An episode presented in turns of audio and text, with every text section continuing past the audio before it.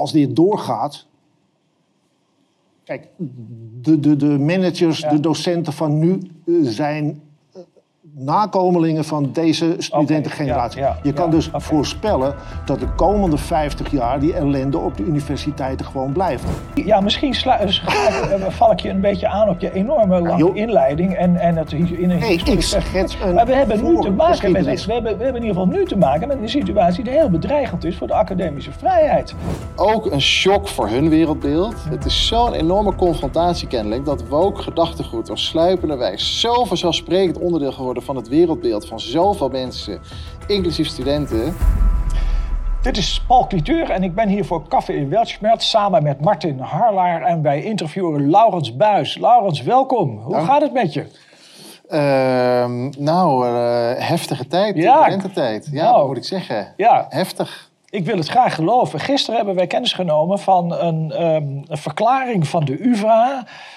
Eh, eh, het college van bestuur van de UvA die neemt eh, afstand van jou. zet je op non-actief. In de afgelopen periode heeft Laurens Buis UvA-collega's en andere wetenschappers op sociale media onder meer monsters, extremisten, corrupt en levensgevaarlijk genoemd.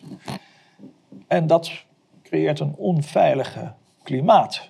Ja. Ja, jeetje. Hoe kan je dat nou doen? Ja, eh, dit is typisch eh, wat de UvA doet. Hè. Dat zei ik vanaf begin af aan al. Ze hebben mij een nekklem gegeven als klokkenluider. Ze hebben me snoeihard aangepakt. Ze hebben me geïsoleerd. Ze hebben mijn functie uitgekleed. Ze hebben Ja. mijn rechten afgenomen. Ja, Wat ze helemaal niet mogen doen. nee. En ik heb eh, als reactie erop protesteer ik. En kom ik voor mezelf op en verdedig ik mezelf. Ja. En iedere keer als ik terugvecht, dan wordt daarnaar gewezen om het punt te maken. Kijk, hij is agressief aan ons spoor. Ja.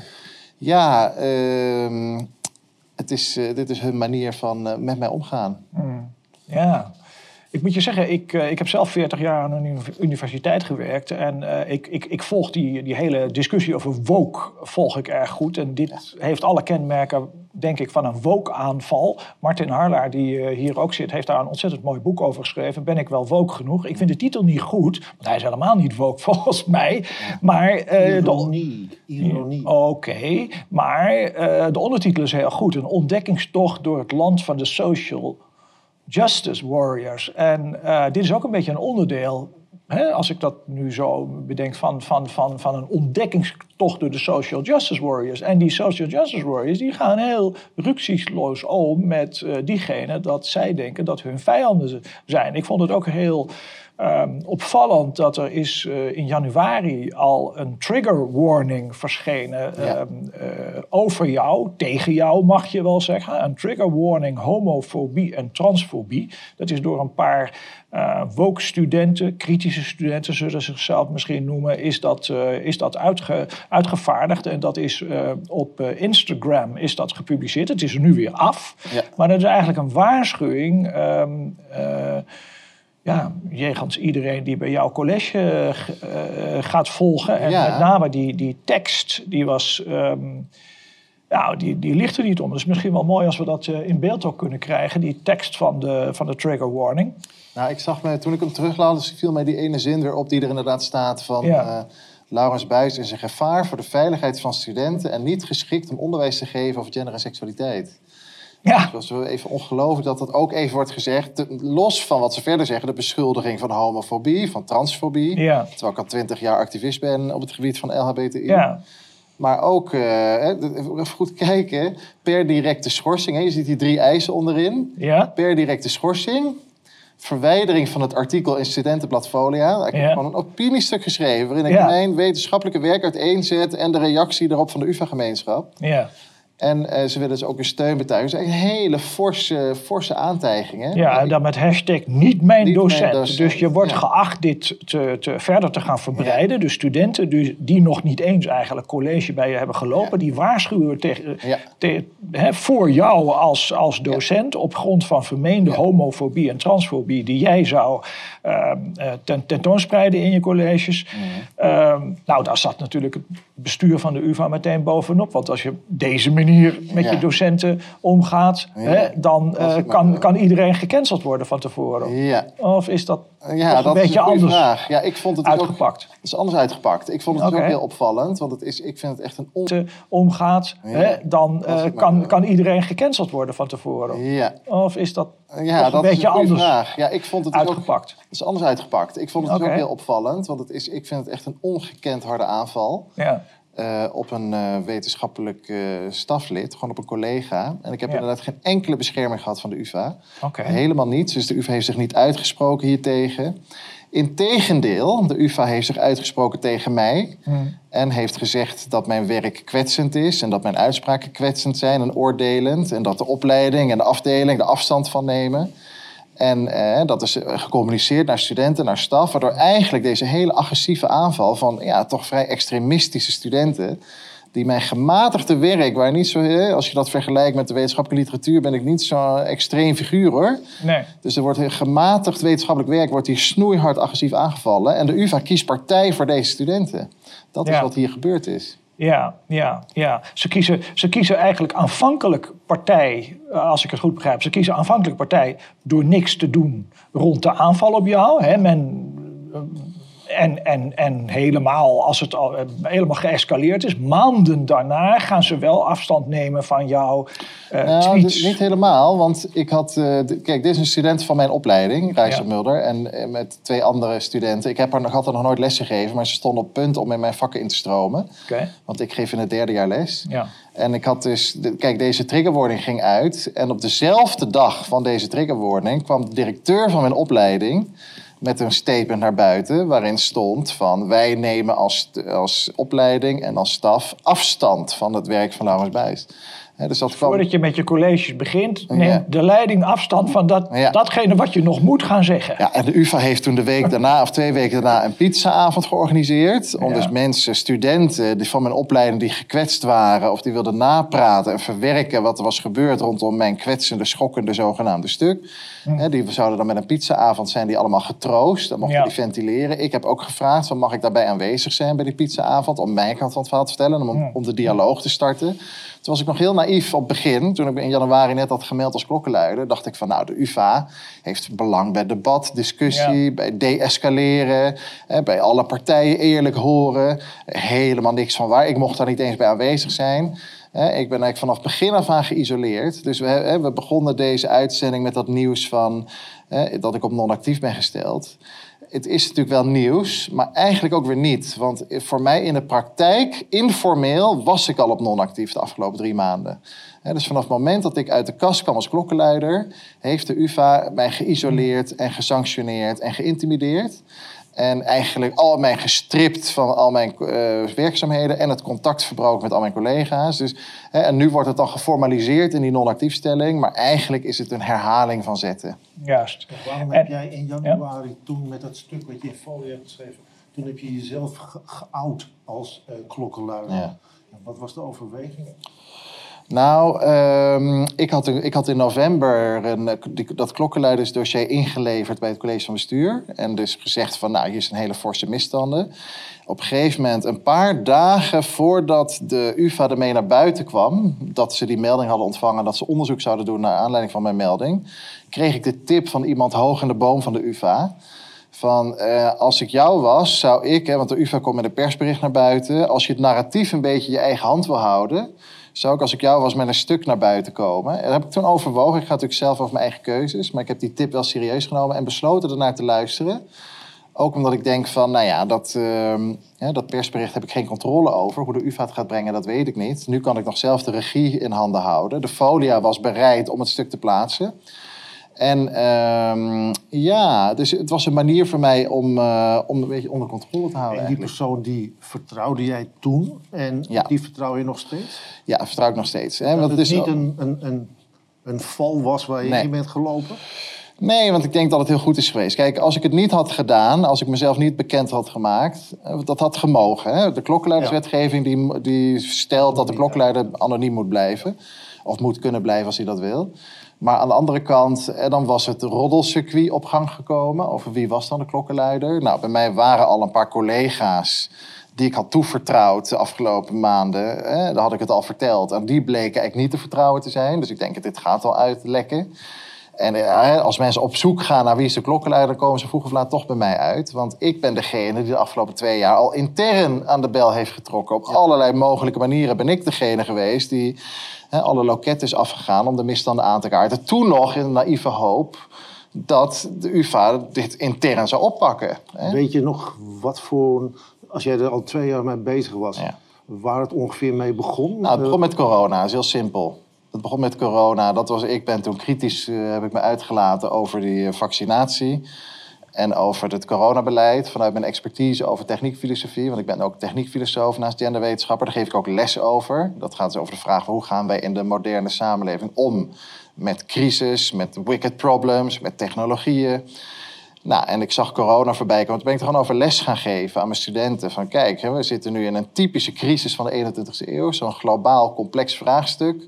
Waar allemaal expertise en wetenschap en technologie bij komt kijken. Om dat te proberen te beheersen. En dat gaat aan alle kanten mis. Vanuit techniek-filosofisch perspectief was het corona-aanpak een drama. Dus ik kon heel mooi de stof die ik al jaren aan mijn docenten onderwijs... illustreren met deze casus.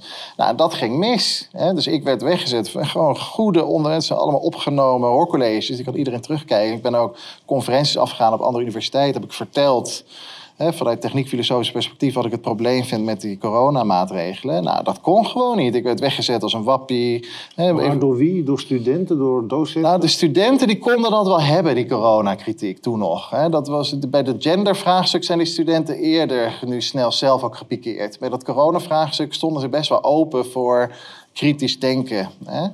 Dus het was, maar toen was het vooral de collega's. Dus ze zijn anoniem is over mij geklaagd. En, en letterlijk wat er vanaf begin af aan is gebeurd, is dus pathologisering. Dat is iets wat tot op de dag van vandaag doorgaat, ook op Twitter. Dus mensen zeggen eigenlijk, hij is, niet, hij is ontspoord. Hij is psychiatrisch niet in orde. Hij heeft een psychose of een gekte of een waan. Of, hè, en dus de- de- hij is niet lekker tussen zijn oren. En dat is ook wel hoe dat dus vanuit collega's naar mijn leidinggevende is geklikt. Dus ik hoorde op een gegeven moment van, ik werd op gesprek geroepen door mijn directeur. Twee jaar geleden, anderhalf jaar geleden ongeveer. En die zei van, nou, ik hoor, mijn collega's maken zich zorgen over jouw mentale gezondheid. Vanwege, en die, eh, ik zeg, Ja. ik zeg gezegd wie, die, die collega's zijn altijd beschermd. Maar ze zei, die, eh, ze maakt zorgen over, en en ze denken ook van, is hij nog wel geschikt om les te geven op een universiteit? En gaat het wel goed met je? Dus toen kreeg ik zo'n gesprek, zo'n super denigrerend caretaking gesprek met mijn directeur, waarbij ik zei, nou ja, wat is dit voor iets belachelijks? Ja. Hè, dus eh, ja, Maar uiteindelijk is natuurlijk wat. ehm, eh, ik, ik, ik, ik ga, die corona laat ik, even, laat ik even terzijde. En ik focus even op, op wat ik dan noem de woke-aanval. En die Ja. woke-aanval die wordt ingezet door een, door, een, door een paar studenten, waarvan die Reisa Mulder er één is. Hè. Zij, zij staat ook boven die trigger, trigger warning.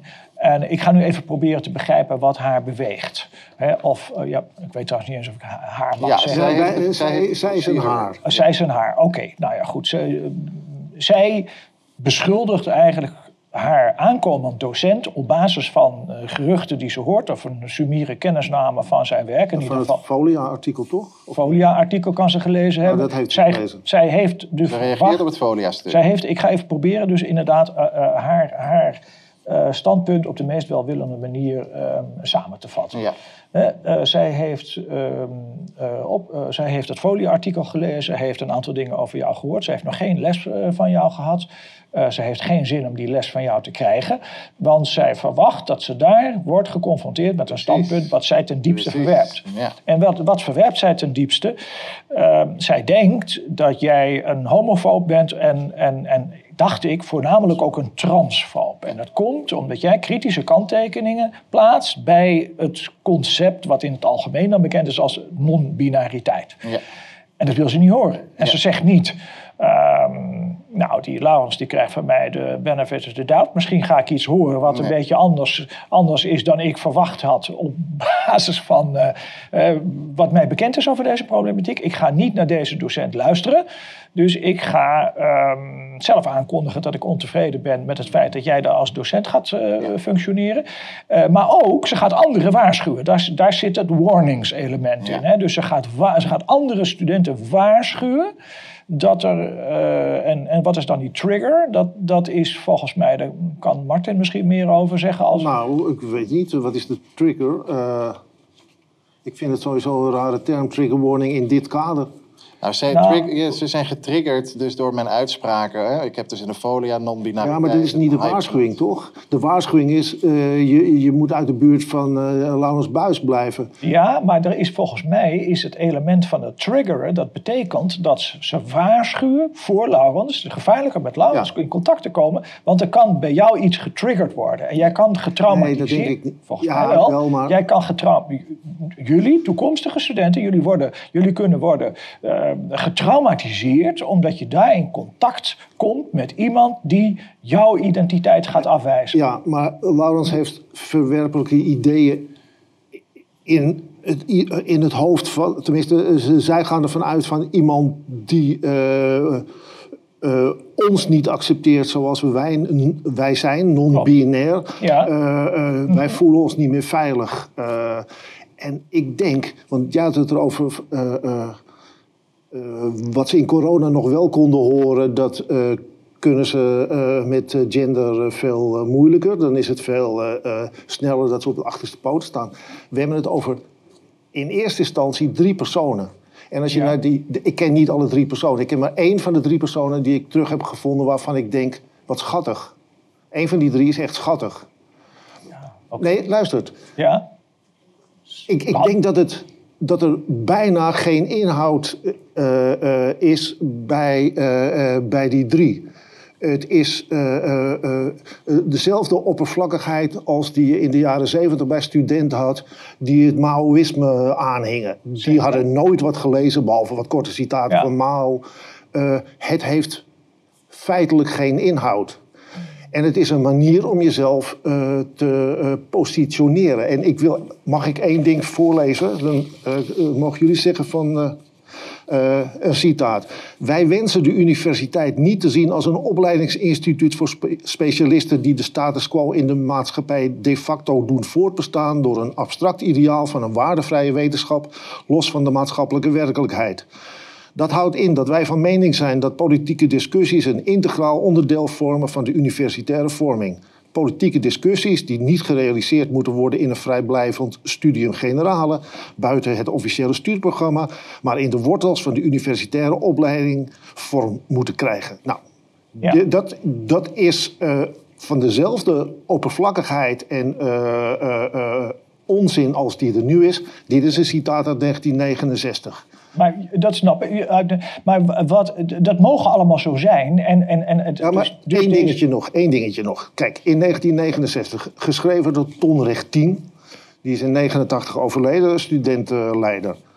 Ik denk dat je die drie waar we het over hebben... ongeveer in die, eh, eh, eh, zelfde, op diezelfde manier kan bekijken. Dan heb je eh, een andere studentenleider, Maarten van Dullemen. Die is in eh, 2021 overleden. En dan heb je Max Arian. Die schrijft een, eh, een in memoriam. En die is zelf ook kritisch geweest. Hè? Als student, eh, jaren 60 hebben we het eh, over, begin Maar waar- jaren waarom 70. vertel je dit allemaal? Ik bedoel, wa- wel, wat is het punt dat je wil maken? Wacht. Want wat boze tongen ook mogen beweren, we waren geen onaardige jongens. We geloofden in een betere wereld, maar waren gelukkig nooit in de positie die ook te realiseren. Daardoor kregen we niet eens de gelegenheid al die fouten te maken die daarbij hadden gehoord. We hebben niemand gedood of gemarteld, hoogstens, en dat is erg genoeg, soms een klein beetje vernederd of in verwarring gebracht door lang volgehouden omineus zwijgen. Oké. Ze hebben het beste eind jaren 60, begin jaren 70 eh, eh, met de wereld voor. Eh, ze baseren zich op bijna niks. Eh, ze, hebben Marx gekocht bij, uit, bij eh, de boekhandel Pegasus in de Leidse straat. Eh, niet doorheen te komen. Ze hebben dat rode boekje van Mao een paar keer opengeslagen. Ze hebben een manier gevonden om de wereld te verbeteren. Het stelde toen geen reet voor, het stelt nu geen reet voor. En ik voorspel je dat over het enige wat die jongelui gedaan hebben van toen... die zijn voorgangers geweest van, van Laurens. Die, eh, die zijn in de jaren zeventig als docent begonnen. Die zijn hoogleraar geworden. En heel veel van die jongelui toen ze ouder werden, zijn blijven plakken. En die hebben een hele nieuwe Ja, ja. generatie. En ik denk dat Laurens eh, eh, één of twee generaties daar nog tussen heeft... waar hij les van heeft gekregen. En hij wordt nou geconfronteerd niet alleen hij, hè, Floris van den Berg ook en eh, Ruud Koopman. Elke onderzoeker die iets anders wil, wordt daarmee geconfronteerd. Want ik vind, dit, ik vind deze hele, de, de, de, die hele historische aanloop vind ik wel mooi. Maar, ehm, Nou, het zet het in perspectief van hoe, Ja. hoe, in hoeverre moet je het serieus nemen. In, dat je het serieus neemt in de zin, de gevolgen zijn heel serieus. Dat zegt Arian ook. Gevolgen punt zijn heel is- serieus. Wat, hoe, serieus moet je nemen wat zij geloven? Eh, eh, duizenden jaren wordt, worden de non-binaire al gediscrimineerd.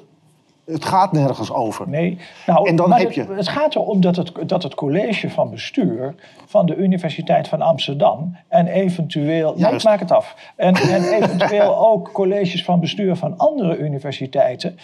Dat die bereid zijn om een docent op non-actief te stellen op basis van theorietjes die jij misschien niet heel erg serieus kunt nemen. Maar jij hebt geen macht aan die universiteit. En dat is dus het hebben die grote verschil met dat toen. die colleges van bestuur hebben dat wel. En misschien, nou, dat weet ik ook, of dat het verschil met toen was, eh, wil, ik even eh, wil ik even buiten blijven. Dat vind ik ook niet zo van belang. Het gaat erom dat, Nee, dat op dit moment colleges van bestuur van de Universiteit van, van ehm, eh, in dit geval de Universiteit van Amsterdam, maar ook het college van bestuur van de Universiteit van Bristol, waar Stephen eh, eh, eh, Greer op non-actievers wordt gesteld. Die mensen worden op, op non-actief gesteld door hun eigen universiteiten, omdat ze dreigen iets te gaan zeggen wat mensen die jij nauwelijks serieus kunt nemen.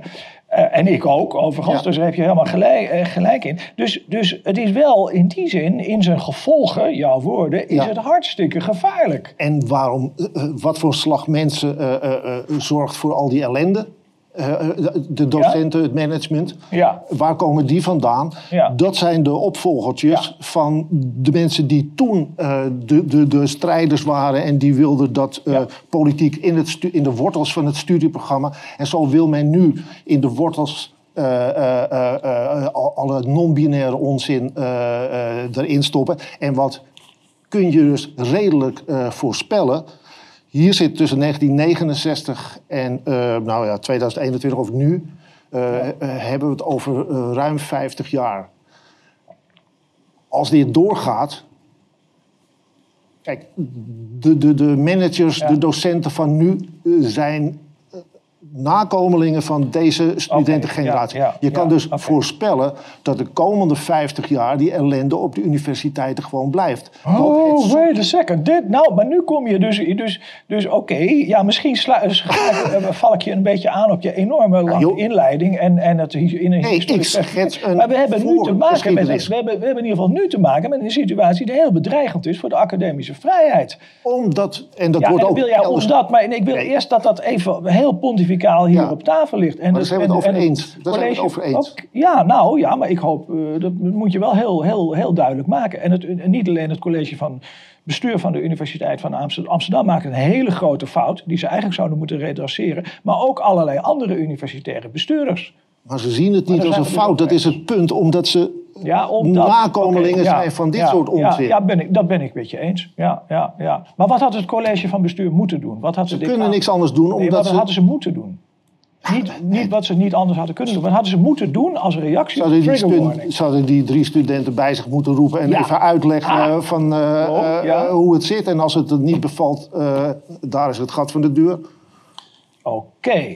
Dat zou ik gedaan hebben. Ja. Heel erg ondiplomatiek, maar dat zou ik gedaan hebben, ja.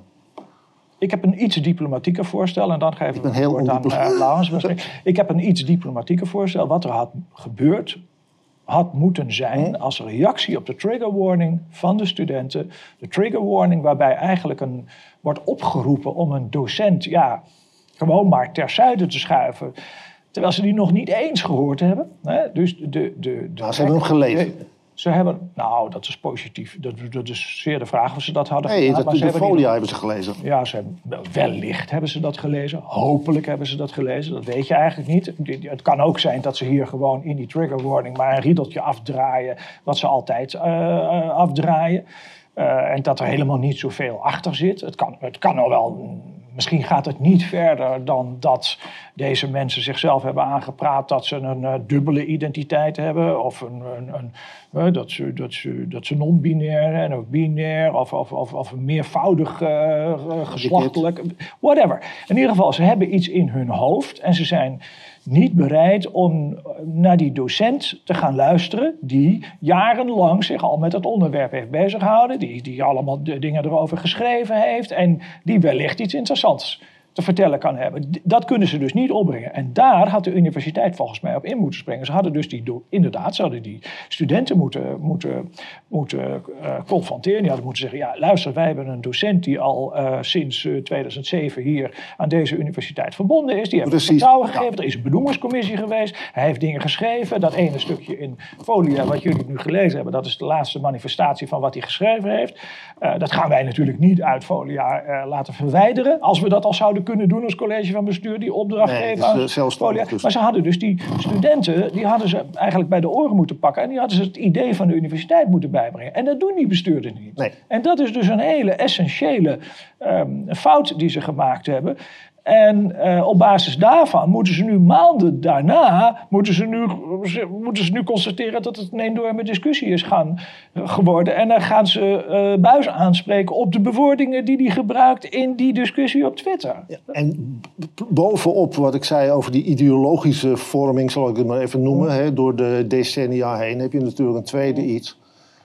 Dat de universiteit, in tegenstelling tot toen wij studeerden, veel commerciëler zijn geworden in de zin dat studenten zijn, vertegenwoordigen een bepaalde waarde. En zo'n docent is vervangbaar. Mm, je ziet het aan het Evergreen State College in Washington. Daar zijn de aantallen studenten gekelderd, dus die hebben grote problemen. Ja. als je rector bent van een universiteit en je ziet dat studenten moeilijk gaan doen en uh, heel veel meelopers hebben. En uh, ja, waar kies je voor? Voor het geld of voor je docent? Als je geen principes hebt, kies je voor het geld. En dat is wat er steeds gebeurt. Ja. En ze hebben daar geen moeite mee, want het komt bovenop die ideologische vorming, zeg maar. Ja, Laurens. Uh, ja, wat ik vind dat ze hadden moeten doen, bedoel je? Ja. Nou, kijk, voor mij is het heel simpel. Op de UvA wordt heel veel gesproken over diversiteit en inclusie en sociale veiligheid. Ja. En ik, praat, ik maak, probeer iedere keer het punt te maken, ook al twee jaar lang op de UvA, dat dat ook betekent diversiteit aan meningen en perspectieven. En dat je ook kunt luisteren naar iemand andere opvattingen. Hm. dus ik zou die studenten heel erg duidelijk hebben gemaakt als leidinggevende dat canceling gewoon niet kan op een universiteit. Hm. En dat het, um, het, um, het luisteren en echt een serieuze goede plek geven aan minderheidsposities, ook academische, intellectuele posities, dat dat gewoon een heel belangrijke skill is. Ja. En zo had ik dat aan die studenten willen uitleggen. Maar als het aan mij had gelegen, hadden we al lang op de UvA top-down dat diversiteitsbeleid. Hè, want dan wordt dus het in het maagdhuis zit een Central Diversity Officer. En die heeft budget en personeel. En uh, die is als een soort octopus rolt die dus het diversiteitsbeleid uit over die hele universiteit. Hè, met allemaal tentakels in verschillende opleidingen. En er zitten overal commissies en zo. Ja, ik zou als, als een gek, als een centrale bestuur, zou ik daarnaast zetten een Council for Academic Freedom. Dat trouwens Harvard onlangs heeft aangesteld. Ja. En absoluut het diversiteitsbeleid nooit zonder die council laten opereren dus het diversiteitsbeleid kan, sociale veiligheid kan, maar alleen binnen de context van eh, de, het vrije woord. En dat zou ik dus ook. Eh, dus het gaat al helemaal mis in het centrale bestuur van de UVA. Dat diversiteitsbeleid is zo vooropgesteld dat het, het ideaal van veiligheid, inclusie en ook de façade die de UvA naar de buitenwereld wil bouwen, van kijk, ons is inclusief zijn en tolerant en vooruitstrevend, dat is allemaal belangrijker geworden dan de daadwerkelijke ja, inhoudelijke discussie die hoort bij waarheidsvinding. En is dat erger geworden onder de huidige eh, diversity officer? Of was het bij de vorige Anne van der Graaf, heet het, heet geloof ik? Weet ik niet zo goed. Nooit wat nou, ik, ik heb gewoon meer gewoon de afgelopen jaren gezien. Het is allemaal voorwerk gedaan. Dat is al 10, 15 jaar sinds ik op de UvA werk. Met terugwerkende kracht zie ik, hey, eigenlijk zijn er allemaal door allemaal verschillende mensen maatregelen genomen die de voedingsbodem hebben gecreëerd voor wat er nu aan het gebeuren is. En dat gaat niet zozeer om mijn casus. Deze casus maakt het wel weer heel goed duidelijk. Maar op de UvA gebeuren er veel meer misstanden. Hè. Dus op werkgroepen moeten studenten allemaal een boetedoening doen... als ze verkeerde dingen gezegd zouden. Publiekelijk schuld betuigen. En er worden docenten en collega's uit de weg geruimd hè, als ze verkeerde Toch een beetje maoïstisch, eh, toch? Zeker. Maar er worden dus ook de collega's, Ja. hoogleraren uit de weg geruimd. Gewoon persoonlijke afrekeningen van ideologische tegenstanders. Die worden gewoon kapot gemaakt. Dat hè. is die, die, die Besnier Bijvoorbeeld Nico Besnier, maar er zijn meer gevallen bekend hè, binnen de UvA, die, waar echt mensen uit de weg worden geruimd, omdat ze in de weg staan van een machtsagenda, die woke machtsagenda. Dus dit is, dit is zo dusdanig ontspoord. En met terugwerkende kracht zie ik, oh, dat is een voedingsbodem is daar neergelegd. Dat komt dus door dat diversiteitsbeleid, wat zo los is gelaten en los is gekoppeld van academische vrijheid. Maar het komt dus ook door die neoliberalisering van de universiteit, waar jij ook al over begon. Dat het zo gaat over output en iedereen is een nummertje. En het gaat om de omzet en het geld. En de enorme schaarste om de middelen. Waardoor er eigenlijk in de onderstroom van de, van de Ja. organisatie zit eigenlijk een hele zieke concurrentiesfeer. Waarbij mensen elkaar afmaken en afslachten. En dat, eh, er is een soort financieel plan gemaakt met de Deutsche Bank om de UvA zogenaamd eh, eh, verrendabeler of gezonder te maken, financieel gezien. Die gebouwen zijn allemaal zo'n heel huisvestingsplan opgezet. Om die gebouwen, heel veel gebouwen verkocht en opnieuw gekocht en gebouwd.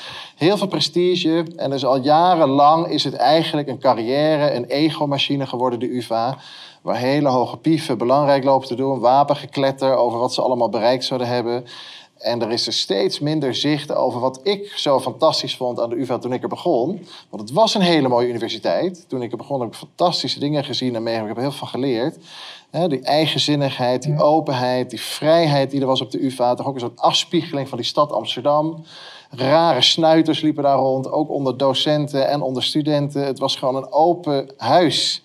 En dat eh, heb ik gewoon echt zien- kapot gemaakt zien worden. Je, je, het is natuurlijk een, een veel breder verschijnsel dan alleen de Universiteit van Amsterdam. Hè? Ja. En, en het is ook een veel breder verschijnsel dan, dan Laurens Buis. En ik Ja. zeg dat zo, ja, het is voor jou en voor jullie allebei misschien min of meer vanzelfsprekend. Maar wat ik dan op internet een beetje zie, dat is natuurlijk toch van, oh, wat is die Laurens Buis, hè? een huilstruik, wat is die zich belangrijk aan het maken. En ah, die cliteur, die komt ook altijd met dat onder. En die, en die, en die, en die Harla, die heeft een boek geschreven over woke. Maar die bedoelingen van al die mensen zijn toch eigenlijk heel goed. Eh, er is toch helemaal niks mis met social justice en LBGT.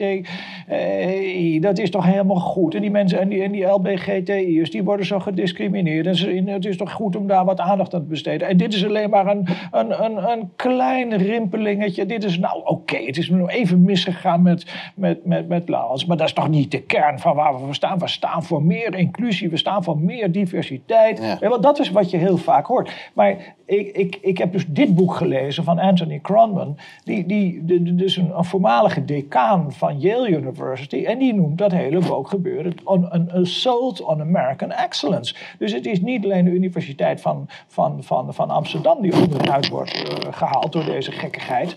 Eh, maar het is ook Yale, University en, en, en die, al die Ivy League universiteiten, Harvard en Stanford en, en Yale, al die, die elite universiteiten worden van binnenuit, komt het woord, ondermijnd door deze manier van denken. En ehm, als je dat uitspreekt, dat is ook trouwens mijn ervaring, want een, een paar jaar geleden heb ik datzelfde ook wel eens een keer eh, gezegd. We worden ondermijnd door onze universiteiten. Toen was onze rector ook ge- geraakt. Die denkt, ja, waarom doet die cliteur dat nou? Die gaat het, eh, dat is allemaal negatieve, want dat is natuurlijk ook negatieve reclame voor Wie was dat? Eh, de Stolker. Dus, eh, die op zichzelf overigens best wel goed Aardige man, toch? Aardige man. Maar hij, hij was gegriefd door het feit dat ik zei, we worden ondermijnd door onze universiteiten. Dan was het dan toch een beetje daar. Maar toch niet de Universiteit van Leiden. Ja. Dat is toch niet zo? Wij. En hij zegt, nou, ook hier, eh, dit gaat niet aan ons voorbij. Nee. Ook, ook niet aan de Universiteit van Leiden. Het is ook niet voorbij gegaan aan Yale. En het is ook niet voorbij gegaan aan de Universiteit van Bristol en, en de London School of Economics. Je ziet wel overal dezelfde dingen. En een onderdeel een beetje van de crisis waarin we verkeren, dat is dat die universitaire bestuurders daar geen kennis van, van nemen op de een of andere manier. Hè. Dus dat zijn mensen die rollen een beetje in die bestuurlijke posities. Ze gaan dan vervolgens hun universiteit eh, zo goed als zo kwaad als dat Ze kan. hebben een ze- hypotheek. Ja, ja maar, maar, maar, maar daar hoeven ze zich helemaal geen zorgen voor, voor te maken. Want zij worden niet ontslagen of, ge- of, of geschorst of, of non-actief. Nee, maar ze zijn omhoog Dat gekomen. Je, je hebt geleerd hoe je omhoog komt. Ja, ja, ja, ja. Maar goed, het is toch ook een beetje. ehm, eh, eh, de, de universiteit is niet alleen een stenen gebouw met mensen en studenten, eh, maar het is ook een ideaal. Het is een idee. En, eh, en, en, en, en ook dat kan je verdedigen. Eh, ik ben ook Ja. alumnus van, de- van de Universiteit van Amsterdam. Het doet mij ook pijn, zo'n geval als wat hij meemaakt. Want ik wil dat de idee, die idea of a university overeind blijft. Toen jij drie was, toen eh, studeerde ik natuurlijk al lang eh, op de Universiteit van Amsterdam. Ik, moest een, eh, ik had nog een bijvakje in mijn doctoraal nodig. Je zei net eh, dat toen jij in 2000 zoveel er kwam dat het zo open was. Wat heb jij gestudeerd, Marten? Geschiedenis. Geschiedenis, oké. ja. In, in 85 had ik nog een doctoraal bijvakje nodig. Ik heb toen iets gedaan waarvan ik de naam niet meer weet, maar daar zat het woord racisme in. Kort daarvoor, het was gewoon het eerste jaar, hadden ze een, een half zwarte eh, eh, meneer uit Engeland gehaald, Chris Mullard. Eh, en die ging iets nieuws opzetten. En dat, Ja. dat, dat midden jaren tachtig, dat kan je zien als, nou niet helemaal halverwege, maar tot wat je de laatste jaren hebt op de universiteiten. En wat je in de jaren 60, eh, wat in de jaren 60 begon. Want wat gebeurde, ik, kort voorbeeld, wat gebeurde er in, in dat bijvak? Je moest kijken naar, eh, eh, weet het, eh, die E-team. Ik weet niet of je dat kent. Dat, een duffe iets waar één zwarte meneer in speelde. En we moesten kijken, durven hoeveel eh, eh, teksten die meneer had. En als hij te weinig had, dan was de enige verklaring racisme. Eh, vervolgens hadden we een verplichte literatuur eh, eh, tentamen. En dan moest je een stuk schrijven. En dat stuk heb ik geschreven op basis van een paar eh, eh, hoofdstukken. En mijn conclusie was X. En eh, mijn stuk werd afgewezen, maar ik had haast om af te studeren. En ik had niet tot de conclusie mogen komen dat het niet racistisch was. Ik moest tot de conclusie komen dat het wel racistisch was. Dus ik heb mijn stuk overnieuw geschreven, omdat ik haast had. En ik heb het ingeleverd. Zo was het dus al toen jij drie was, hè? ja. en dat jij het binnenkwam- lang. Ja, het speelt al heel lang. Nee, ja. maar dat, Ja. je, dat jij dus al gezien hebt dat in die laatste 15 jaar dat het zoveel erger is geworden. Het was dus al zoveel jaren eerder al heel erg aan het worden. Maar leidde het ook tot, tot, tot het eh, verwijderen van docenten die de, eh, van de universiteit? Die de Nou nee, eh, meer wegjagen van studenten, denk ik. Aka, nou dat is op zichzelf. Ja, ik denk ook dat het, eh, dat het een beetje op en neer... Ik geloof het ook. Ik heb ook al de indrukken van andere mensen ook gehoord... dat de problematiek van die cancelcultuur heel, Ja. heel ver teruggaat. Ja. En eigenlijk helemaal niet zoveel nieuws is. Nee. Ik denk wel, ik kan alleen maar mijn eigen ervaring vertellen. Misschien zit er toch eens een bepaalde conjunctuur in. Dat toen ik studeerde, en dan noem ik gewoon even een paar mensen... die een heel belangrijk stempel drukten op de cultuur bij sociale wetenschappen... Gert Hekma is een hele extravagante homoseksuele man die geen taboe had en over alles en nog wat sprak, ook door iets van seksualiteit. Meindert Venema, hè, die eh, po- fantastische hoogleraar politicologie bij de UvA, die um, ons in contact bracht met het conservatieve gedachtegoed. Met Bart-Jan Spruit moesten wij, maar ging mee naar de les. Hè, dat we, en ook die sprak over Jan Maat, van god, jullie denken dat dit een extreemrechtse man is, maar is dat wel zo? Ja. Er zat toch iets in die opleiding. En dan noem ik ook even Rieneke van Dalen, Gouda, Bart van Herikhuizen. En er nog veel meer mensen die het hart vormden van Peter Geschieren. Die het hart vormden van sociale wetenschappen UvA. Die een bepaalde openheid en vrijzinnigheid hadden. Toen Ja. ik daar studeerde. Daarom vecht ik nu zo hard voor de UvA. Want ik ben Ja. verliefd geworden op die UvA. hè. Ik heb niet... Ja.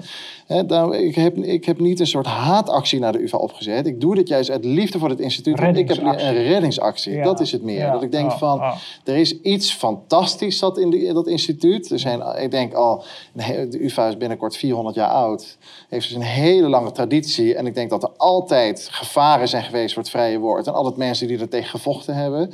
En ik hoop gewoon in die in die lijn te kunnen staan van al die vechters, die ik in ieder geval veel heb gezien op de UvA, die gewoon echt eh, het open hebben gebroken. Mijn denken open hebben gebroken. en Mij hebben geholpen in mijn academische vorming. En dat gun ik de jonge generatie ook gewoon heel erg. En dat wil ik belichamen en dat heeft mij in de problemen gebracht. Zijn er ook studenten die, die, die, ehm, ehm, ja, die eigenlijk zo'n verklaring verwerpen? Zo'n zo'n zo'n zo'n zo'n trigger Nee. warning. Dat is Ja, ik, valt mij, ik, vind dus, ik vind dus de Ja. reactie van de studenten echt best wel tegenvallen. Ja. Dus ik ken toch de studenten wel van, eh, nou, daar zit toch altijd, die kunnen wat makkelijker tegen het instituut keren en tegen de normen keren dan de medewerkers. Maar het, het, het gebeurt niet. Wel individueel. Ze mailen me hier en daar van, god, ik steun je, wat erg wat hier gebeurt, ik schaam me.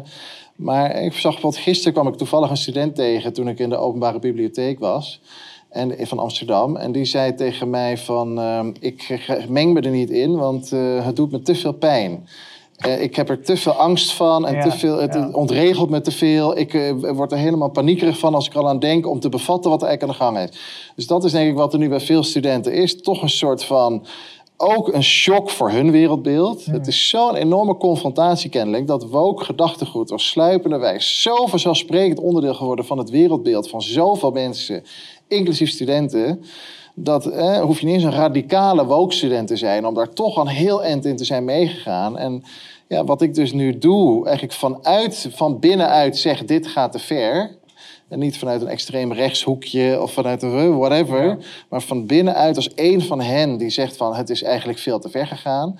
Ja, die boodschap is zo heftig voor ze, dat is gewoon nog steeds niet aangekomen. Dat is wat me eigenlijk opvalt. Er is nog steeds een soort staat van shock. En daardoor zitten mensen in een freeze stand. En dat is dus ook, toen ik thuis was, dacht ik wel van ja, door deze passiviteit en inactiviteit van die studenten kan dus wel gebeuren wat mij gebeurt. Het is niet alleen de studenten die niks doen, maar ook mijn collega's, een hoop medewerkers. Eigenlijk een overgrote deel, de, er is een klein groepje radicale mensen die het naar die woke Ja. eh, toestand willen trekken. En de overgrote meerderheid staat erbij en kijkt ernaar. Hoe was het bij jou in de werkgroep? Eh, Had jij het gevoel dus, jij bent docent, jij bent docent en je hebt al, dat doe je al heel lang, je hebt al heel veel ervaring met, met eh, lesgeven aan groepen studenten, ook over deze onderwerpen. Ehm, eh, heb jij het gevoel dat je in de in voorgaande jaren wel gemakkelijker kon spreken over deze onderwerpen Ja. en eh, zonder dat dat tot spanning aanleiding makkelijker. gaf? Het ging makkelijker. Er zijn eigenlijk Ja. twee dingen gebeurd. Ik ben me bewuster geworden van... hey, heel veel van wat ik doe is woke. En ik ben mezelf dus meer gaan uitspreken. Mhm. Dat is, ik ben die kant op gegaan. En de UvA is tegelijkertijd steeds radicaler woke geworden. Dus we zijn ook wel in dat opzicht uit elkaar gegroeid. Al dat is wel wat ik een paar jaar merkte. Ik, geef, eh, ik heb het zien gebeuren bij gender en seksualiteit. Bijvoorbeeld geef ik al jaren onderwijs op verschillende plekken op de UvA. Toen ik daar begon met lesgeven, was het echt best wel open. En ik heb in de jaren daarna kon je allerlei posities innemen. En was er nog niet trigger warnings en safe spaces en pronouns. Dat was er allemaal nog niet. Maar wat op een gegeven moment gebeurde, die UvA die ging internationaliseren. En steeds meer vakken werden Engelstalig Ja, ja, aangeboden. ja, en dat gebeurde eerst bij de summer schools. Eh, Elke zomer helemaal vol met Amerikaanse studenten. Maar ook steeds meer het reguliere onderwijs. Opeens werden al die bachelorprogramma Engelstalig. En dat heeft tot een enorme internationalisering van onze studenten, maar ook van de staf geleid. En die hebben die Amerikaanse campuscultuur en de classroom culture is meegenomen naar Amsterdam. En dat is dus echt iets wat, eh, zeg maar, een beetje tegelijk met die coronapandemie en iets daarvoor kwam het opeens op. Want wij werden ook, hè, dat het normaal werd in een gewoon bachelorvak om opeens over safe spaces te beginnen. En om pro- over pronouns te beginnen. En om te tellen hoeveel mensen van kleur heb ik eigenlijk in mijn curriculum. En moet ik niet meer mensen met een kleurtje hè, aan mijn studenten hè, eh, boeken laten lezen. Dus ehm, ja, dat, dat is eigenlijk de afgelopen jaren kwam, die, kwam dat zo naar binnen. En dat ging dus tegelijkertijd met dat ik eigenlijk wakker aan het worden was van... Oh, maar ja, god. Is het nou, Zo- hè, dat ik dus zelf kritischer werd. Ja, ja. Ja. Vanmorgen kwam ik op een. ehm, nee, ik ga eerst zeggen waar, waarom ik deze, de, de- die anekdote wil vertellen. Zou het kunnen zijn dat we in een overgangsfase zitten ehm, en dat eh, op een gegeven moment die werkgroepen eh, zo pluriform worden en dat daar zoveel identiteiten in vertegenwoordigd worden, dat het eh, weer een beetje in balans komt. En dan, nu dan maar even anekdote waar ik eh, naartoe wil. Het schijnt dat er op, voor Netflix wordt er nu een serie gemaakt en dat gaat over het oude Egypte onder Cleopatra. En, Ja. Cle- en heb, ik, heb ik hem jou al... eh, Nee, nee, ik, heb, ik weet hetzelfde. Denk. Oh ja, nou ja, en Cleopatra die wordt daar eh, opgevoerd als eh, geheel zwart. En nou in, hè, in, in, maar in, het Z-woord. En nou ja, dat is natuurlijk heel correct. Dus, hè, dus, dus kun je je voorstellen, Cleopatra is zwart. Je kan ook zeggen, nou ja, oké, Egypte ligt ook in, in, in, in, in, in Afrika. Eh, maar Egypte is een heel groot land. En niet iedereen is zwart. in Egypte er zijn ook mensen bruin. En al, ze hebben allerlei tinten. En nou vinden dus de Egyptenaren dat deze zwarte Cleopatra doet onrecht aan het feit dat misschien wel Cleopatra bruin is geweest. Dus, dus eh, die zijn weer tegen deze serie. En ik, dus het is, het, het is een, een, een beetje een terugslag van de blackness wordt nu niet toegejuicht van nee, is verkeerd, misleidend, niet in overeenstemming met de feiten. En op een gegeven moment denk ik ook dat je dat ook wel eens eh, weer zou kunnen krijgen in die werkgroepen. Dat op een gegeven moment, ja, dat, dat ook weer mensen met, eh, met, met, met, met bruine huidskleur of zelfs witte huidskleur of, of wat er vroeger blank genoemd wordt, dat die ook gaan zeggen, oh wacht even, wij hebben ook een bepaalde identiteit en wij willen ook niet dat wij eh, achtergesteld worden. En dan op een gegeven moment krijg je een soort van, van, van situatie waarin er ja, maar misschien dan ook helemaal weer niks gezegd kan worden. Ik weet het niet. Of alles gezegd kan worden. Ik, Het is zie, een- ik zie het somber in. Ja? Oké. Eh, ik zie het positief in op eh, tot nu toe slechts één A2 terreinen. Ik denk dat bij de sport dat daar eh, eh, eh, een ommekeer is. Ja. Ik denk dat in het gevangeniswezen er een ommekeer is. En ik denk dat het in de rest van de maatschappij gewoon doorgaat. Ik zag gisteren een, ik kreeg een advertentie toegestuurd, een vacature van de VPRO. En in de eerste regel van de vacature kwamen al het woord inclusie en diversiteit voor. Het maakt ook geen reet meer uit waar ze een vacature voor hebben van wat je eh, eh, eh, moet kunnen. Je moet de goede, ja, je moet de goede ideologische kleur zijn. Ja. Anders val je eruit. En daar krijg je heel weinig tegenstand. Ik bedoel, je krijgt wel tegenstand van sportvrouwen die een boomlange meneer eh, in een eh, damespadbak tegenover zich hebben en die eh, 50 meter voorsprong heeft. In gevangenissen krijg je het vrouwelijke gevangenen die bevrucht worden door een andere vrouwelijke gevangene Hm. met een penis. Maar de, reg- de regering, ja, eh, D66 is de aller, allerergst, denk ik. Eh, je hebt eh, waarden voor een nieuwe taal, heet de brochure, geloof ik. Dat is vorig jaar of het jaar daarvoor verschenen. Alle instellingen in Nederland die afhankelijk zijn van subsidie, maar dan heb je dus ook over het, het Rijksmuseum, het Nederlands Filmfonds, hoe heet het? het, weet niet meer hoe de toneelgroep Amsterdam tegenwoordig heet, dat heeft een andere naam. Ja. Eh, Ja. Maar die zijn allemaal verplicht om bijvoorbeeld in een jaarverslag, maar gewoon in een doen en laten, constant bezig te zijn met inclusiviteit en diversiteit. En dat klinkt heel mooi, maar zoals Ja. we weten betekent het iets anders dan wat de gemiddelde mens eh, er eh, tot nu toe onder verstond. Het betekent dat je moet voldoen aan het en mono- woke-denken. Ja. Nou ja, Ja. En, Als en- het woord inclusie wordt ge- gehanteerd, dan bedoelt men Ja. exclusie. Vaak wel, ja. Ja, dus men, men- inclusief, inclusief zijn vanuit het perspectief van de trigger warning eh, van mevrouw Mulder betekent dat exclusie van, van de heer Ja, Buijs. ik, ik hoor jou dus een wat een somberder beeld schetsen. Ja, En ja. jou een wat hoopvoller beeld. Ik, Ja. ik, ik probeer een beetje te verenigen. Ja, Want ik, zie, ik herken het. Ik denk dat het. eh, ik ben in principe ook heel somber zoals Martin. Dat ik denk van nou, deze trein dendert wel door. Mhm. Maar ik vind, het, ik vind ook dat we het ons wel verplicht zijn om toch iedere keer ook te kijken naar de hoop. Want het is op dit Ja. moment zo uit de hand gelopen met woke. Ik heb het ook al eerder genoemd van dat woke is eigenlijk een soort van ehm, dienstmaagd van het totalitarisme. Het, is, het, geeft, het geeft heel agressief, autoritaire politiek, geeft het een vriendelijk gezichtje. En Nederland is toch heel snel aan het afvallen naar een totalitaire staat in mijn ogen. En sowieso heel veel landen in de wereld. Dus het gaat volgens mij heel slecht met de vrijheid. Dus we zullen ook moeten kijken naar waar zit ruimte, waar kunnen we hoop vinden. Want het moet nu gebeuren. ja. In mijn ogen heeft het niet zoveel zin om na te denken over 20, 30 jaar, want dan is het te laat. Dus we moeten nu de komende jaren ruimte zoeken om te kijken, om hier uit te klimmen. En ik denk dan toch dat het wel... Dat spreekt me erg aan wat je nu Ik zegt. denk wel dat het klopt Ja. wat jij zegt. Dat er hoop zit in dat het zo divers wordt. Dat het op een gegeven moment ook... Ja, wat is dan nog sociaal wenselijk? Als we inderdaad echt alle stemmen uit het Midden-Oosten en Afrika en Azië...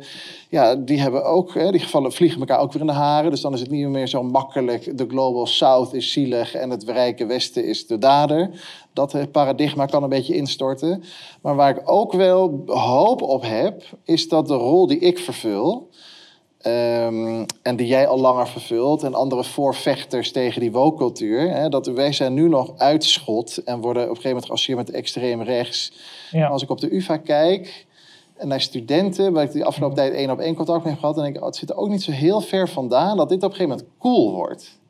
Dat je, de- dit is spannend, het is nog nu te spannend, Ja. hè, maar straks wordt het gewoon wel spannend als je anti-woke durft te zijn. Mhm. Maar dan is er wel al een weggetje bereid door de, hè, door de eerste mensen die al helemaal gekielhad zijn. En misschien komt er straks wat meer ruimte. En wordt op een gegeven moment ook een teken van lef. En kun je er dus ook prestige uithalen als je juist dus kritisch wordt op woke.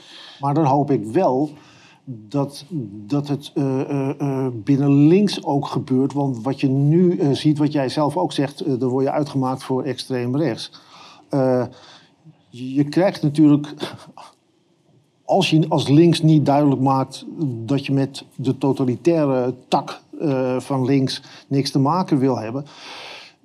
Dan krijg je alleen maar de reactie op woke eh, eh, bij rechts. En daar zit ik ook niet op te wachten. Eh, als je kijkt wat de, de- waar Sarah Brakke, jou wel bekend, over geschreven heeft in de Groene Amsterdammer eh, op 1 maart jongsleden. Er gebeuren hele erge dingen van de rechterkant in de Verenigde Staten. Het enige waar zij geen oog voor heeft, lijkt het, is wat voor een ellende er door eh, eh, woke op de universiteiten, onder andere eh, in de Verenigde Staten, is aangericht. Ja. Nee. Dus wat het belangrijkste is om anti-woke of woke-kritisch ook binnen eh, eh, links eh, eh, Ja. Zeker. te Goed houden. punt. Goed punt. Nou, ik zou zeggen, doe je best. Mag ik dat uitbouwen, dit punt? Zeker, graag. Ja, want ik vind dit wel een heel belangrijk punt. Ja. Volgens mij kunnen we het op die manier ontzenuwen. En dat vond ik ook al bij corona. Daarom heb ik me zo ingespannen voor een links geluid. Mhm. eh, expliciet links geluid in de coronakritiek. Bijvoorbeeld door de, ik, was, ik stond aan de wieg van de vierde golf, een links coronakritisch platform. Omdat ik dat ook denk, dat is een manier om die beschuldigingen te ontzenuwen dat het Ja. alleen maar van rechts komt. Hè? En ik denk bij woke is dat ook zo. En bij woke zit een hele hoop haakjes die het interessant maken voor kritische linkse analyse. Ja. Dat wil ik toch nog een keer even benadrukken. Want wat zijn die haakjes? Ten eerste, woke is een, is een machine, een machtsmachine. En dat kun je dus ook met linkse instrumenten van machtsanalyse, van geldstromen en elite versus gewone mensen. Wie bedenkt het allemaal? Waar komt het vandaan? Wiens belangen dient het? Dat zijn linkse vragen die je kan stellen over woke. Tweede wat ik heel belangrijk vind, waarom het interessant is vanuit links perspectief om kritisch te zijn op woke. Woke is een schijnemancipatie, hè? is schijndiversiteit, schijninclusie. Ja. Dus al- zolang er een schijninclusie is, is er ook geen echte inclusie. Dus we moeten dit uit de weg ruimen om die echte linkse idealen van eh, zorgen voor minderheden, diversiteit, multiculturalisme, antiracisme. Hè, we moeten dat eigenlijk weer terugkapen van deze gekte.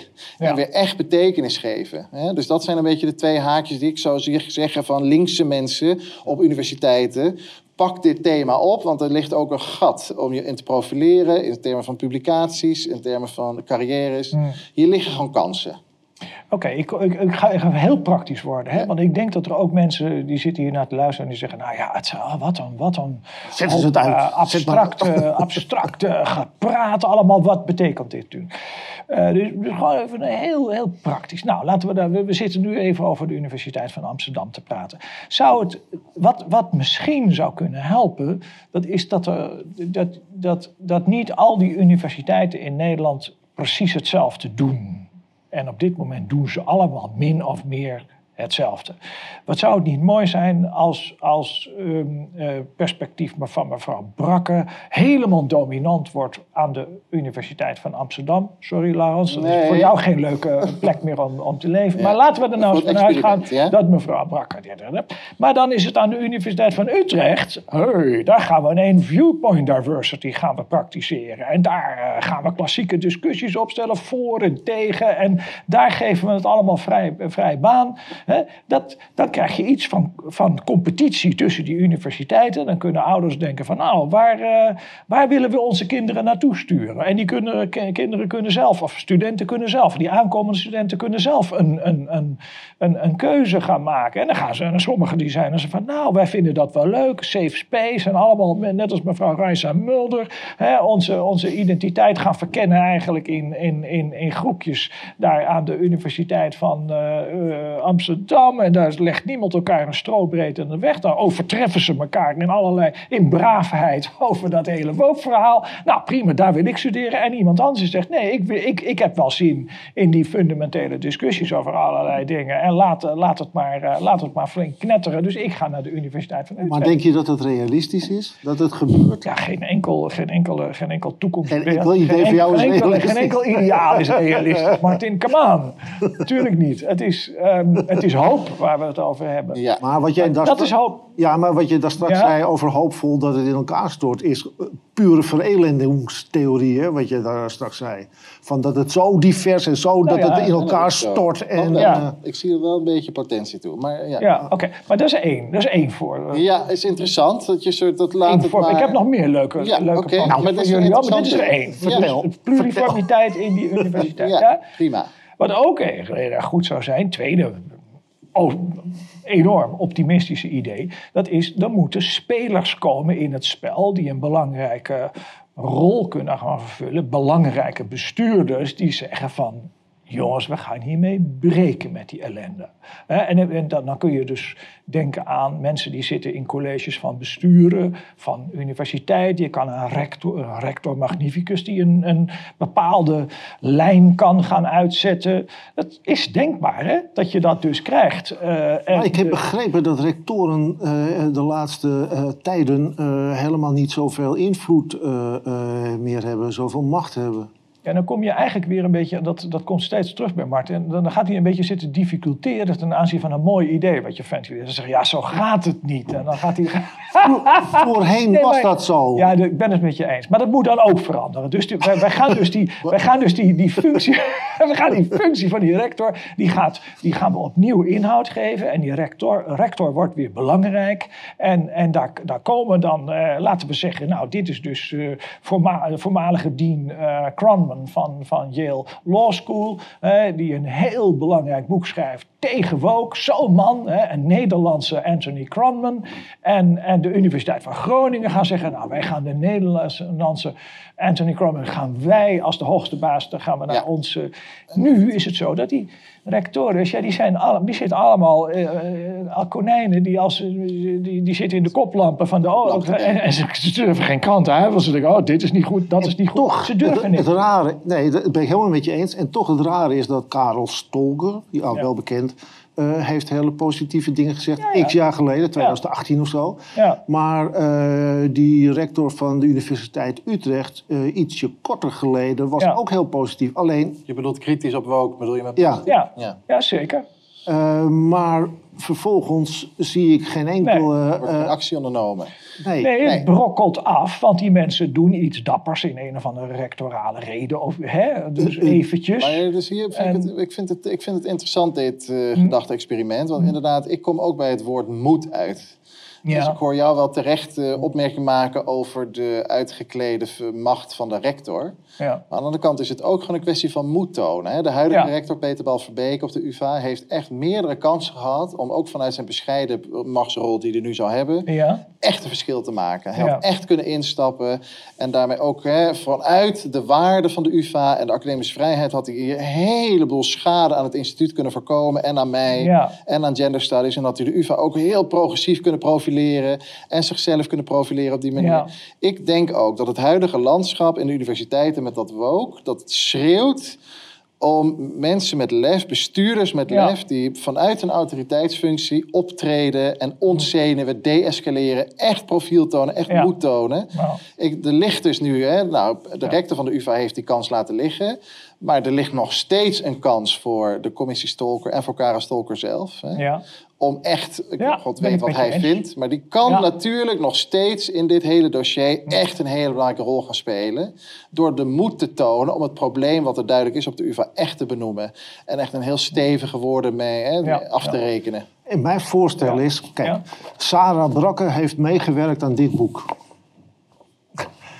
En daar, dat heeft, Ook met de omineuze ben ik wel woke. daar heeft ze een uitgebreide versie van gemaakt voor de Groene Amsterdammer. Die meneer daar heeft ook een stuk in dit boek geschreven. Nou moet jij de titel van het stuk van die meneer voorlezen. Hardop.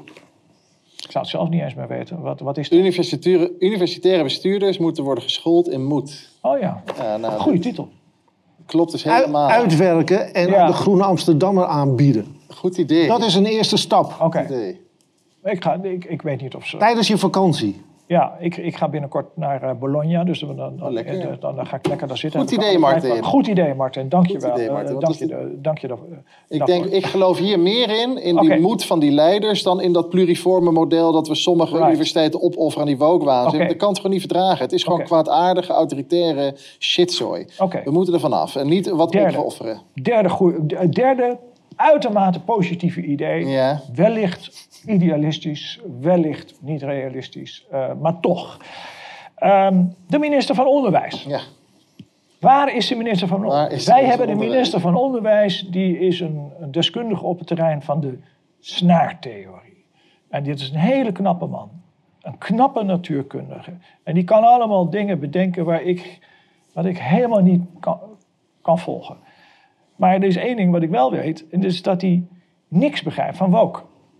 Deze minister van Onderwijs, Dijkgraaf. Hij begrijpt niks van woke. Dat, hij heeft ook niet, ik denk ook niet dat hij de behoefte heeft om zich daarin te verdiepen. Ik denk niet dat hij dat boek van Martin gelezen heeft. Ik denk niet dat hij het boek van Floris van den Berg gelezen heeft. Ik denk niet dat hij het boek van Anthony Kronman gelezen heeft. Ik denk niet dat hij het boek van Douglas Murray gelezen heeft. Ik denk dat hij helemaal Niks niks gelezen. heeft. En ik denk dat dat een knappe natuurkundige is die denkt, ja, dat is allemaal sociaal, eh, sociale wetenschappen, een beetje flauwekul. Dat kan ik met mijn pink ook wel aan. En de geluiden die mij bereiken van de minister van Onderwijs, dat, hij zegt, dat is dat hij zegt, dat moeten die universiteiten zelf uitzoeken. Ik hoef me daar niet in te gaan, eh, mee te gaan bemoeien. Ik denk, en dat weet ik trouwens wel, want ik heb, ik heb het een beetje natuurlijk bestudeerd. Op zo'n trigger warning, daar zegt hij van... Ja, kijk, oké, dat zijn kritische studenten. Dan moeten Buis en Mulder moeten daar een beetje uitkomen. Dat soort opmerkingen maakt hij. Nou, nog erger. Ja. Hij zit eigenlijk, heeft hij een beantwoording van hele goede Kamervragen... die zijn gesteld onder andere door de PVV en de SGP... ja. Heeft hij eigenlijk toch het D66-verhaal herhaald. Van Ja. hè, dat ik non-binaire mensen gekwetst zou hebben. En dan komt hij toch met dat menselijkheidsverhaal. Mhm. Van ja, maar de heer Buis moet wel beseffen dat het hier over mensen gaat. En mensen hebben allemaal het recht op een identiteit. En dat raakt dus ook als die... Hè, dat is kwetsend voor hen en een veiligheid. Ik denk van, daar gaan we weer. Ik heb nooit een aanval op mensen geopend. Ik heb altijd een aanval vanuit mijn expertise als genderwetenschapper... op Ja. categorieën en de ontwikkeling van de emancipatiebeweging gehad. Ik mag forse kritiek geven hierop. Ik vind het echt ongelooflijk dat die minister aan die kant gaat zitten... en weer het verhaal heeft gevoed dat er met mij dingen niet kloppen... Terwijl eh, ook hier eh, snakt het debat naar een minister met moed... die zegt van, ho, stop... Heel belangrijk, sociale veiligheid. Maar eh, academische vrijheid is ook heel belangrijk. En eigenlijk het kerndoel van een universiteit. En daar wordt gewoon niet aan beknibbeld. Nee, maar het, maar het, het, het Heeft hij niet gedaan? dat... Hij heeft het niet gedaan. Nee, hij heeft het niet gedaan. En dat komt omdat als hij jou hoort spreken, en, en mij hoort spreken, en Martin hoort spreken, dan zegt hij: Dat ben ik wel met je eens, Laurens. Natuurlijk is academische vrijheid van belang. Natuurlijk, dat zul je mij ook op geen niets op horen afdingen. Komma. Maar het is toch niet nodig dat je die arme studenten in, in, in, in, in- op hun ziel gaat staan door allerlei grove dingen te zeggen die raken aan hun identiteit. Dat is een beetje zijn reactie. En wat je deze minister moet uitleggen, en dan moet je trouwens denk ik heel veel mensen uitleggen die woke toch een betrekkelijk onschuldige aangelegenheid Ja. Dat is dat, dat op het moment als je dus dat pad opgaat van Mulder, die kan zeggen: luister eens, ik ga eerst voor mezelf een, een, een, een, een, een hekje zetten om mijn identiteit. En dat is bij mij non-binair. En er komt een hekje omheen. Nee, zij is, En, zij is en, en jij als docent, jij kan duizend keer onderzoek naar hebben gedaan, je kan er allemaal over nagedacht hebben. Maar in mijn beleving eh, ben ik non-binair. En alles wat er eh, in negatieve zin wordt gezegd over non-binair, ga ik op mezelf betrekken.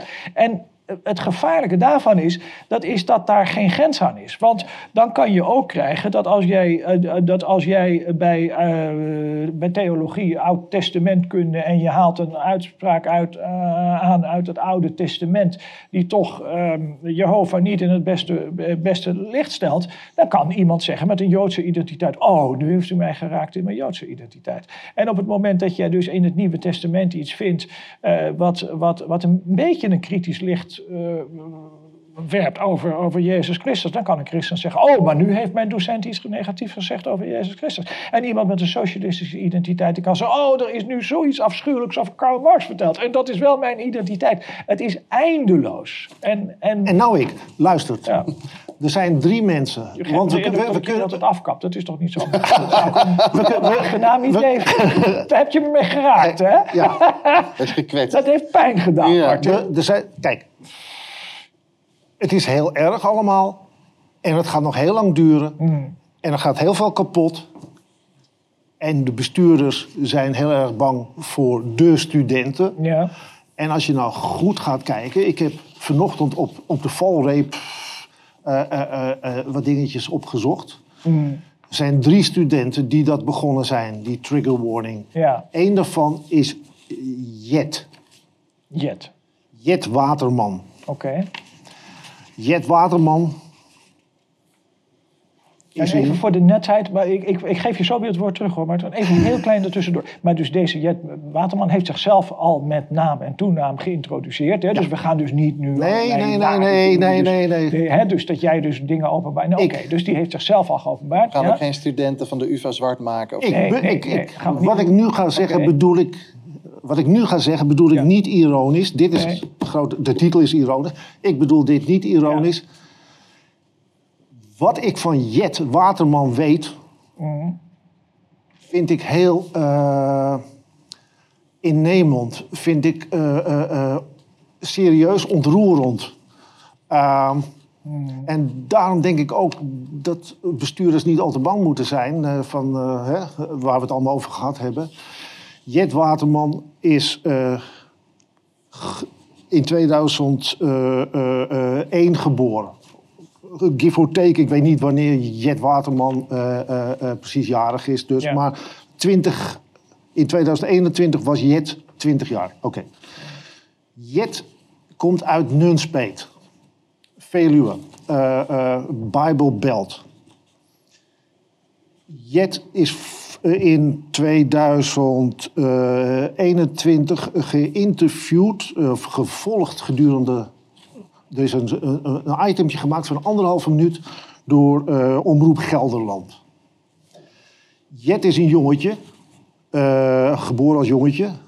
En verder ook, zover we weten, eh, eh, wat ik kan vinden, eh, ook niet met eh, hormonen, misschien wel, maar eh, eh, niks geopereerd, twee jaar geleden, een jongetje.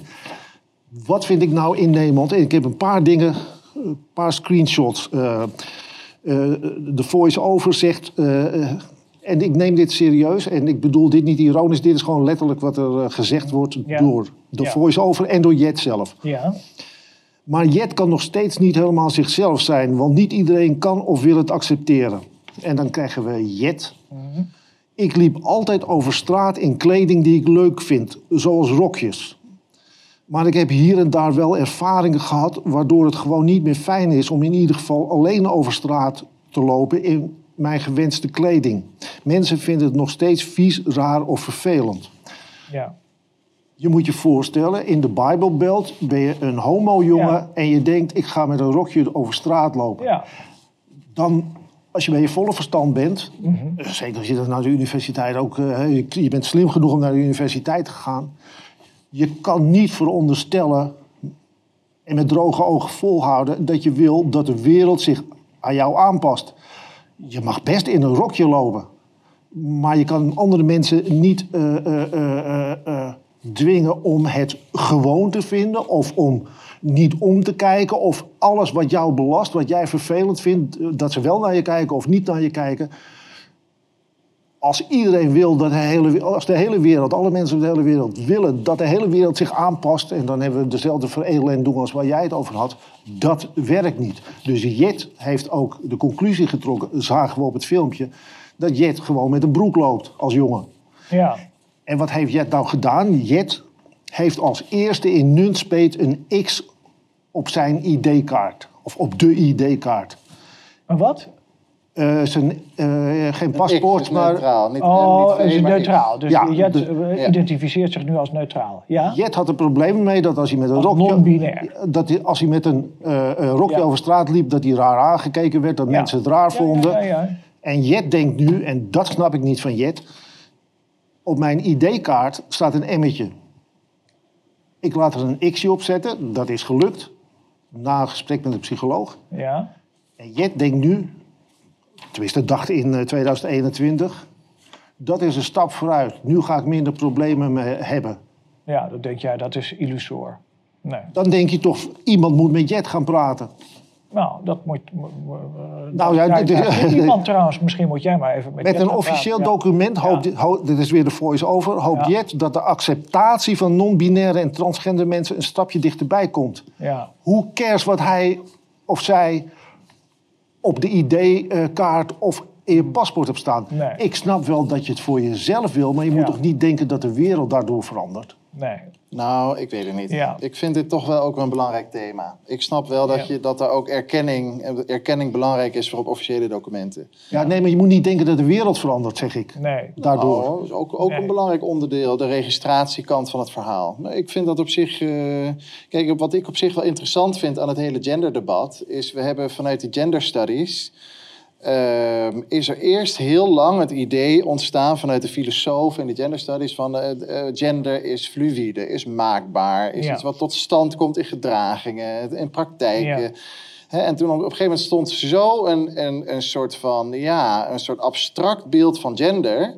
Waar je wel leuk over kan praten, wat je ook wel een beetje in je kleding kan uitdrukken in je gedrag. Maar als het aankomt op, ja, maar wat moet ik nu in mijn documenten zetten? En hoe, eh, hoe ga ik naar het gemeentehuis? hè? Dat zei ik ook, daar ben ik het helemaal mee eens. Ja, voor dus, maar, jezelf dus ik kan het vind het op belangrijk zich, zijn. nee, ik vind het op zich goed dat die, dat die gender-emancipatiebeweging wat meer in, in concrete dingen is gaan denken. Zoals, en wat willen we dan nu in die paspoorten? Hè, dus ik ben zelf, wil ik ook nog eens een keer benadrukken, ik vind dit goed. Hè. Ik vind het ook een heel goed verhaal als zo'n student zegt van, uit een conservatieve omgeving, hè, eh, die dus duidelijk niet past in de genderhokjes, dat, zo'n eh, dat deze persoon vecht voor meer openheid en vrijheid. Ja, dus dit is allemaal helemaal up my alley. Dat ben Nee, nee, ik, dat- ik ga hier in ieder geval geen afstand van nemen. Ik wil heel duidelijk zeggen dat het voor mij gaat, hè, dat is ook denk ik in mijn kritiek op non-binair niet zo goed over het voetlicht gekomen, dat ik nooit heb willen ontkennen dat er zoiets is als een mensen die tussen de, het wal en schip vallen van de, van de, van de sekses. En dat je zoiets hebt als een, Ja. god, het, of tijdelijk of definitief, maar dat zo'n optie als een neutrale optie belangrijk is voor mensen. Dat snap ik heel goed. Waar ik me alleen tegen uitspreek is dat het nu wordt gedaan alsof dat een wenselijke en noodzakelijke zelfs emancipatieontwikkeling is voor alle jongeren. Ja, dus ik ben niet met jou mee dat dit niet helpt of onzin is. Ik denk dat dit allemaal Wacht even, goed heb is. ik dat gezegd? Ik heb niet gezegd Nou, dat of het... dat het niet helpt voor de emancipatie. Ik vind het allemaal belangrijk, ook dat deze stappen gedaan worden. Ik ben Ja. ook voorstander van zo'n X in het paspoort. Maar ik ben tegen die hele non-binaire circusmolen die eromheen is gezet. Nee, wat ik zei eh, aan het eind. Ik kan me voorstellen dat het voor jezelf belangrijk is, maar dat het een illusie is om te denken dat de wereld verandert omdat jij dat Ja, dat snap ik. Maar, maar op je ID-kaart hebt. Ja, maar de Dat- nou, oké. voor de ID-kaart Maar- nee, de maar- wereld. het maakt, dat, maakt, dat maakt mij niet zoveel uit. Ik, ik, ik, ik, ik sta meer aan de kant van Laurens, denk ik een beetje dan Ik aan denk de niet kant dat we, van... eh, aan Oké, verschillende misschien kanten verschillen we niet. Maar dan gaan we het alleen even, gaan we even toespitsen op, op, op, op, op, op, op, op Jet. Kijk, wat ik een beetje... Wat ik overigens jammer vind... Zegt, dat is dus dat Jet iets doet op haar identiteitskaart. Niet haar. of zijn They, them, zijn, hun. eh, hun identiteit. Jet doet iets op hun identiteitskaart. En eh, jij zegt, ja, daar verander je de wereld niet mee. Eh, Jet vindt dat belangrijk. Maar wat ik naar vind, dat is dat Jet niet Laurens de kans heeft gege- ge- Precies. gegeven om even bij Ja. hem college te lopen en, en even to- tot zich te laten doordringen wat hij net heeft gezegd. Waardoor Jet tot de bevinding zou zijn gekomen. Oh, wacht. Die Laurens is helemaal nog niet zo erg. Die staat veel meer aan mijn kant dan, dan, dan ik had gedacht. Dat vind ik, zo, dat vind ik eigenlijk het trieste. Dus zij, zij, hij of het is bezig met het veranderen van de wereld. Maar tegelijkertijd ehm, eh, richt ze een hele hoop schade aan... door een, een, een docent eigenlijk te laten cancelen... door een lui, lui college van bestuur van haar universiteit. Niet Eh, haar. Nou ja, ja. Eh, anyhow, eh, hoe Ik zal ze je- zich ook wel wil identificeren. Dus, dus het, is, het is allemaal eh, het, veel gewelddadiger waar, mensen, waar, Mhm. waar hij, zij, het mee bezig is, of zij mee bezig zijn, dan zij denken. Kijk. dat vind ik een beetje de echte tragiek. In het, ja, in het parool is Jet ook geïnterviewd. Oké, En het parool past zich aan. En daar zijn Laurens en ik het wellicht helemaal niet met elkaar eens. Mhm. Ik neem geen voorschot op wat jij vindt, maar eh, eh, daar zie ik eerder problemen Ja. eh, met anderen. Wat doet het parool? Die schrijft. Hen zegt dat er in werkgroepen naar hen is gestaard of dat hen rare opmerkingen heeft ontvangen van medestudenten wegens hun binaire genderidentiteit waarin mijn identiteit werd ontkend. right. Dat, dat vind ik dus taalverkrachting. oké. Dat is ook. Eh, oh, nou, dan zijn we, zelfs daar zijn we het over eens. ja, ja. Nee, ik vind Ehm, de hele pronouns... Oké, laatste, echt- want we moeten ook een beetje aan de afronding eh, gaan denken. Vind je dat ook goed, eh Laurens? Of zijn er dingen waar we, als, je, als er dingen zijn waarvan jij zegt, dan moeten we nog even aan de orde stellen, dan hebben we die mogelijkheid. Maar ehm, eh, zo niet, dan vind ik dat, dat misschien moet jij even nog over die, die pronouns wat zeggen. Want Nou, dat ik vind, een heel het, belangrijk eh. Nou ja, ik vind dat een, een, groot, eh, een heel groot probleem. Ik vind Ja. dat er heel veel nadruk wordt gelegd dan op de manier waarop ze iemand wil aangesproken worden. Mhm. En dus niet eh, hoe die persoon zelf direct wil aangesproken worden. Want je gebruikt die pronouns eigenlijk alleen als je over iemand praat naar een derde toe. Hè? Dus het is, eh, we, we, ook hoe wij nu hier in een enorme kramp terechtkomen om Ja. eh, met de beste bedoelingen die we hebben, dit verhaal van Jet zo integer mogelijk over het voetlicht te brengen. Ik denk dat niemand hierbij geholpen is. Hè, dus ik zou willen voorstellen dat kleine plukje genderneutrale mensen dat er is in, in de wereld, daar hoeven we echt niet allemaal helemaal die pronouns voor aan te passen. Het gaat er veel meer om dat we bewustwording ontwikkelen over genderrollen, over hoe we alle mannen een vrouwelijke kant hebben, alle vrouwen een mannelijke kant. Dat er zoiets is als transgender mensen, dat er een heel klein plukje is die transgender is, genderdysforie heeft of intersexconditie heeft. Ja? En dat we daar zeker rekening mee moeten houden. Maar er zijn zoveel manieren om die mensen serieus te nemen, los van hè, dat, die pronounsgekte. Ja. Want dat Ja. brengt ons allemaal in een kramp en dat is echt niemand, niemand weggewaard. Dus ik zou zo graag willen praten over... Zijn er nou andere modellen om met die mensen rekening te houden dan dit? Dus ook dat zou ik op de UvA bijvoorbeeld een gesprek over willen hebben. Kunnen we op andere manieren deze mensen gezien en gehoord laten voelen... zonder dat we inderdaad aan die taalverkrachting doen? Ben jij er trouwens eh, al mee geconfronteerd in jouw werkgroepen? Eh, met die pronouns? ja, eh, Dat, je, dat, dat, nou, dat er aan jouw eisen werden, als dus docent we hebben- eisen werden gesteld, Ja, eh, kijk- die je niet wilde inwilligen of niet kon inwilligen. Ja, ik, ik, vind, ik heb hier heel veel moeite mee met, ik, met dat meedoen aan dat handelen. Ja. En ik eh, heb bijvoorbeeld een keer gesproken over Judith Butler, de beroemde genderfilosoof, die nu opeens non-binair is geworden. Ik sprak naar mijn studenten over deze vrouw en zij en haar werk. En mijn studenten steken dan eens een vinger Oh, op ja. en die zeggen: Meneer, u bedoelt aan dat is misgendering. Misgendering. Hè? ja, En dat is een ja. microagressie in de woke-wereld van de UvA. En dan kan kunnen ze mij voor een klacht geven. Nou, dit vind ik allemaal heel moeilijk. Zeker als ik dan naar Judith Butler's website ga... en daar staat dat zij eh, zich identificeert als her, them...